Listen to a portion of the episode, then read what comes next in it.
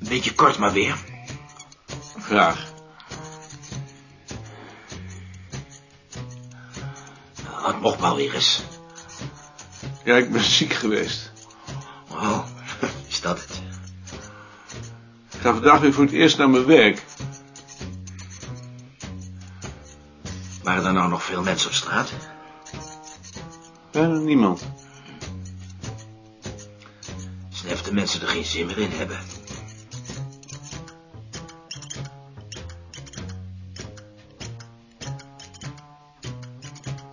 Misschien lijkt dat ook maar zo, omdat wij ouder worden. Nee, nee, dat is het niet. Je merkt het. Wat doen ze nou nog als Sinterklaas? Sinterklaas gaat eruit, het wordt verdrongen door kerstmis. Aan kerstmis doen ze ook niks meer. Nee? Nee, wat zie je nou nog aan kerstetalage? Niks toch? Nou, dat is waar, ja. Er is geen gezelligheid meer zoals je vroeger had. Dat ben ik met u eens. En, wat vindt u ervan? De nieuwe deur? Verschrikkelijk. En dan doen ze er een slot op, zogenaamd voor de insluipers. Maar je maakt het zo open met een mesje. Idioot. Hebt u geen sleutel voor me? Die heeft juffrouw Bavelaar. Dan zal ik hem wel aan juffrouw Bavelaar vragen. Dag Halt. Hé, hey, Maarten. Die deur is inderdaad verschrikkelijk. Erg, hè? Hebben jullie nog verdedigd? Nee, dat hebben we maar niet gedaan. Je bent weer beter. Ik ben weer beter. Is hier nog iets gebeurd? Nee. Moet dat? Kon zijn.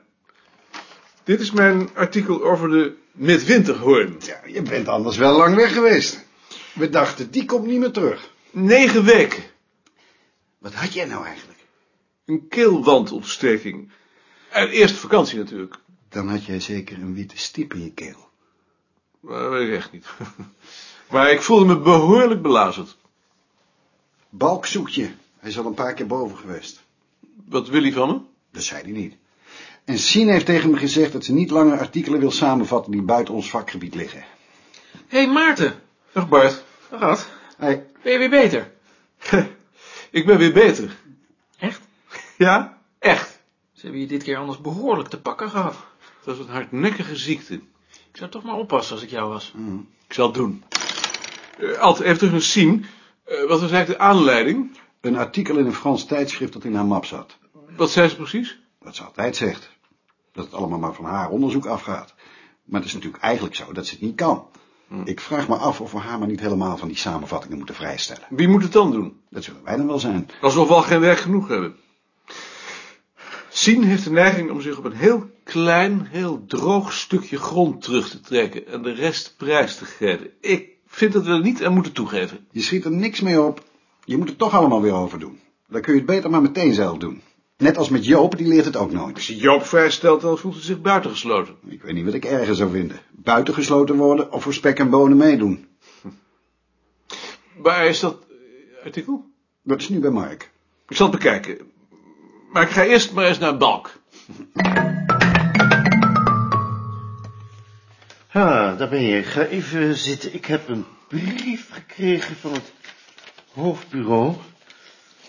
Ja, die brief die doet er nou niet toe. In die brief staat dat ze een van de twee tapplaatsen die ze voor het volgend jaar toegewezen hebben gekregen aan ons willen geven.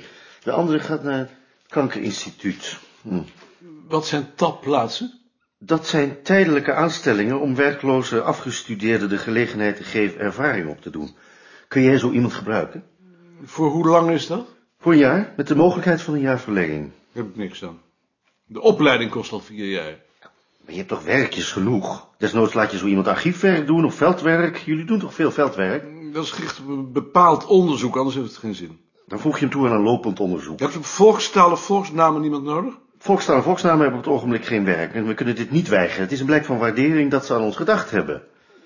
Goed, ik zal erover denken. Doe dat. En stel dan meteen de tekst voor een advertentie op. Dan kan die man nog op 1 januari in dienst treden. Ha, Mark. Hmm. Hij, Heb jij hier dat eh, Franse artikel dat Sien moest samenvatten? dat artikel van Voorvel? Hm. Oh, oh, kennen jullie elkaar eigenlijk? Hallo. Ik ben Maarten Koning. Frits. Hij helpt me met het namenboekje. Oh, hier. Ze heeft hem dus al gemaakt? Hmm. Ja, ze heeft er alleen niets van begrepen. Wat doen we? Ik zou het gewoon overmaken. Nog niet verbeterd? Er deugt echt niets van. Wil jij dat doen? Eigenlijk liever niet. Ik, ik heb het erg druk op het ogenblik. Dat zeker doen. Ik neem het even mee. Ja, eh, ik zou het wel op prijs stellen als je mijn oordeel niet aan Sien overbrengt. Nee, tuurlijk niet. Zak. Ik ben Frits. Ik vroeg me af waarom de mensen van de jongere generatie hun achternaam niet meer noemden.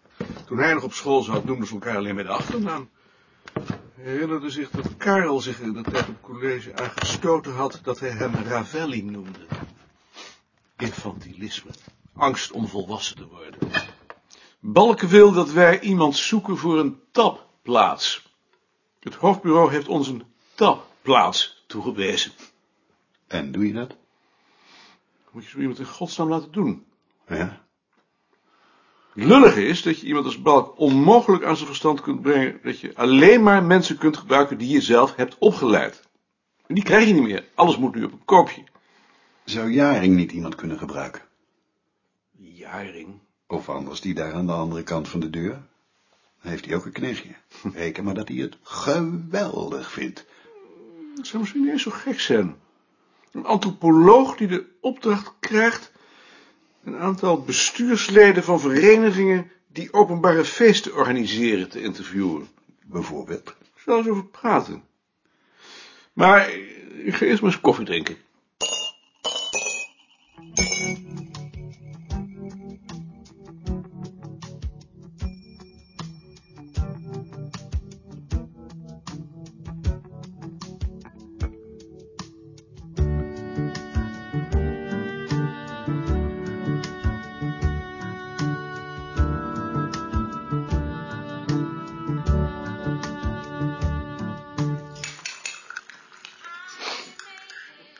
Mag ik een ehm, kop koffie van u, meneer Wigbold? Eigenlijk zou ik ook een knop voor de deuropener op mijn tafel moeten hebben. Want als de vriezer niet is, moet ik elke keer naar de loge als er gebeld wordt. Zo vaak wordt het toch niet gebeld? Dat zou u nog niet meevallen als u dat moet doen. Meneer. hoe, hoe gaat het? Meneer. Ja, ik geloof wel goed. Ik bedoel, met je, met je werk. Ja, dat bedoel ik ook. Dan bedoelen we allebei hetzelfde. Ik had je net willen opbellen, maar ik zag je jas hangen. Je bent dus weer beter. Ik ben weer bezig. Waarover wil je me opbellen? Ik, ik heb een uitnodiging gehad. Mhm. Om te spreken. Op een symposium. Over carnaval. Alsjeblieft, dat is wel.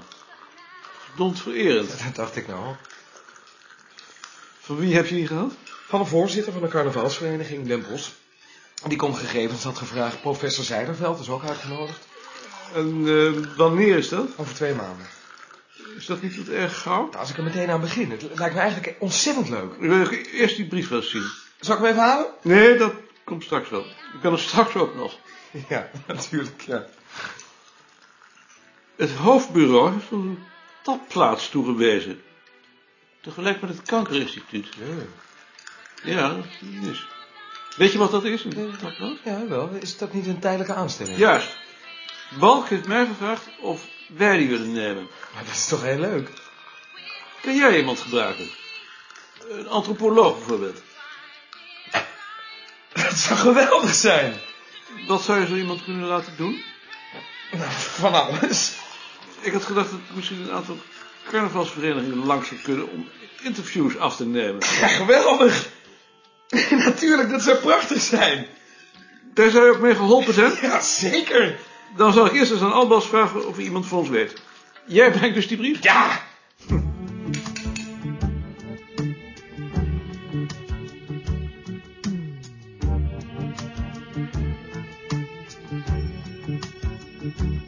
One day I'll fly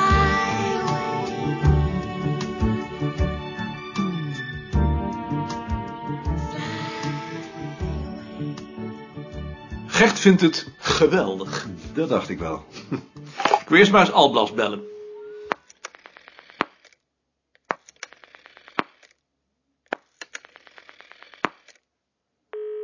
Eerst die brief.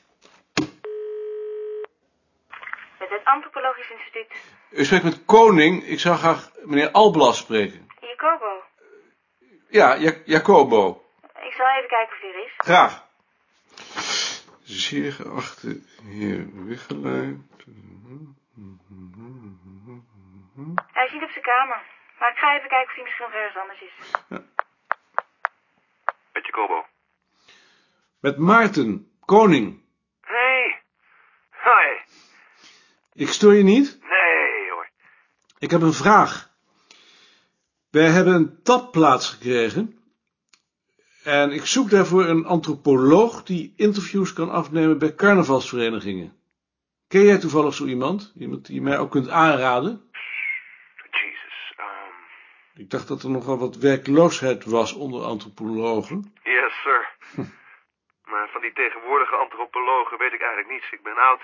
Ja, we worden oud. Oh, I see. Eh, I mean out. Sorry, ik vergat even dat jij nog jong bent. Ik word oud. Maar ik zet wel een advertentie. Ja, als me een, eh, nog een naam te binnen schiet, dan bel ik je wel. Graag. En anders tot ziens. Albas is oud, oud met een T. Hij heeft geen antropoloog voor ons. We zullen dus een advertentie moeten zetten. Eh, ik heb het niet helemaal gevolgd, maar je zou misschien ook Boeks nog kunnen proberen. Dat zou kunnen. Omdat zo'n persoon, als ik het goed begrepen heb, ook carnavalsverenigingen moet bezoeken. Je bedoelt dat hij daar waarschijnlijk al woont, als het een student van box is. En dat hij waarschijnlijk ook wel katholiek zal zijn opgevoed. Ehm, moet er eens over denken. Jij moet natuurlijk beslissen. Wat vind jij ervan, Ad? Ja? Ik, ik heb het even niet gevolgd. Moet ik Box ook vragen?